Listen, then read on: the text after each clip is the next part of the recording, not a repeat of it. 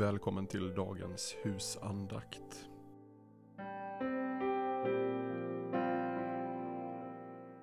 Den 15 december.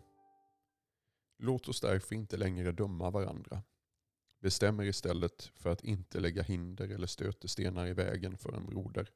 Romarbrevet 14.13. Här använder aposteln en kärleksfull, vädjande ton och innefattar sig själv i denna önskan. Låt oss därför inte längre döma varandra. Vi kan dra den slutsatsen att vi har en stark lust att döma våra bröder eller förakta dem. Denna synd är mer utbredd och förödande än vad vi tror. Det är lätt att konstatera om vi ser på oss själva. Hur snabba är vi inte att av olika anledningar döma våra bröder eller systrar? Denna tendens finns hos oss alla och visar sig främst hos fräcka, självkära människor som inte bekymrar sig om Guds krav på den inre människan. De har inte fostrats av sitt eget elände och är inte helt uppfyllda av Guds nåd. Men känner vi inte alla av denna lust hos oss själva? När en bror eller syster inte uttrycker sig eller gör på samma sätt som vi är vana vid misstänker vi snabbt att det är fel på själva livet. Även om han eller hon inte har sagt något som tyder på förhärdelse eller falskhet i anden. Så fort någon har en annan mening eller ett annat sätt att vara än vi i frågor som inte rör livet, till exempel att klä sig, äta eller dricka, ja då tvivlar vi direkt på uppriktigheten och allvaret. Hur går det när vi stöter på en verklig synd eller svaghet hos en person? Då menar vi oss ha rätt att döma utan att först samtala med personen om synden är avsiktlig eller om vederbörande ångrar sig och strider mot den. Vi är sådana dåraktiga helgon, säger Luther, som trots att vi själva alla dagar får dras med synden och hela vårt liv behöver ständig förlåtelse, vill att vår broder ska vara helt felfri. Har denne nu också behandlat dig illa eller förolämpat dig? Börjar du med örnens skarpa blick granska och ta reda på alla fel hos honom. Sådant är människans hjärta. Här finns ursprunget till allt dömande, förakt och all kärlekslöshet. Det är vårt onda hjärta.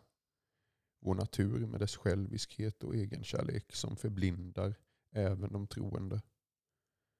De tror sig drivas av helig iver. När det är tvärt emot denna förmaning när de tvärt emot denna förmaning dömer och föraktar sina bröder. Genom att döma gör de inte sin nästa något gott utan bara ont. De handlar rakt emot det stora kärleksbudet.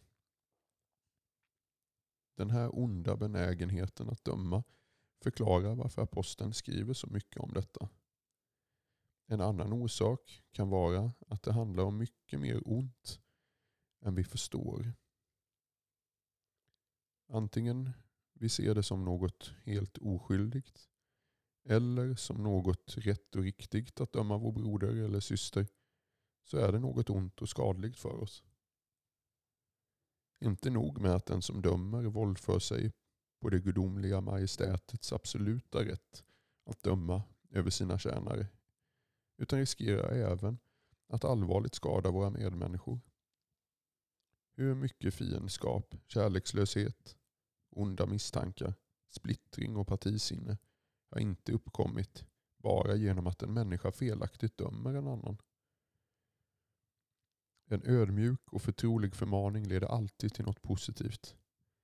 Men att döma över hjärtats inre tillstånd och hemliga avsikter medför fiendskap och ondska, splittring mellan syskon i tron, partibildning och stridigheter. Kort sagt, att döma är i alla avseenden något avskyvärt ont. Det förklarar apostelns allvarliga förmaning. Låt oss därför inte längre döma varandra. Låt hellre detta vara vår dom. Lägg inga hinder eller stötestenar i vägen som kan bli din broder till fall. Här används orden dom och döma i en annan betydelse. Tidigare anförda textord handlade om människors otillåtna dömande över bröders och systrars samveten, över deras inre tillstånd och hemliga avsikter. Här avkunnar jag istället domen över mig själv och drar konsekvenserna av detta. Jag ska aldrig lägga några hinder eller stötestenar i vägen som kan bli min broder till fall. Aposteln vill säga, istället för att ägna er åt att döma andra, satsa all er kraft i kärlekens tjänst och bestäm er för att aldrig orsaka stridigheter i syskonkretsen. Uttrycket lägga stötestenar eller bli min broder till fall har i grundtexten samma betydelse. Stöta bort och ge anledning till fall. Bekymra samvetet eller göra min broder ängslig och osäker. De som var starkare i tron kunde hänsynslöst använda sin frihet medan de svaga i tron blev ängsliga och osäkra i fråga om evangeliets rätta tolkning. De kunde också förledas till en livsstil som inte hade täckning för sitt samvete. Den kristna har därför all anledning att aldrig lägga några hinder eller stötestenar i vägen för sina syskon.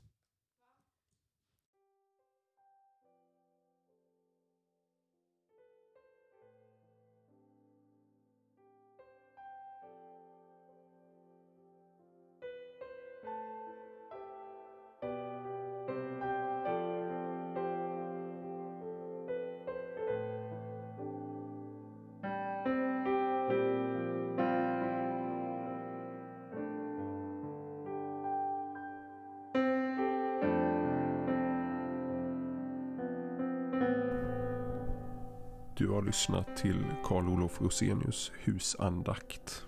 Betraktelser för varje dag ett helt år. Med mig, Jakob Stille, som inläsare. Husandaktboken ges ut av BV förlag och kan köpas på www.bvforlag.se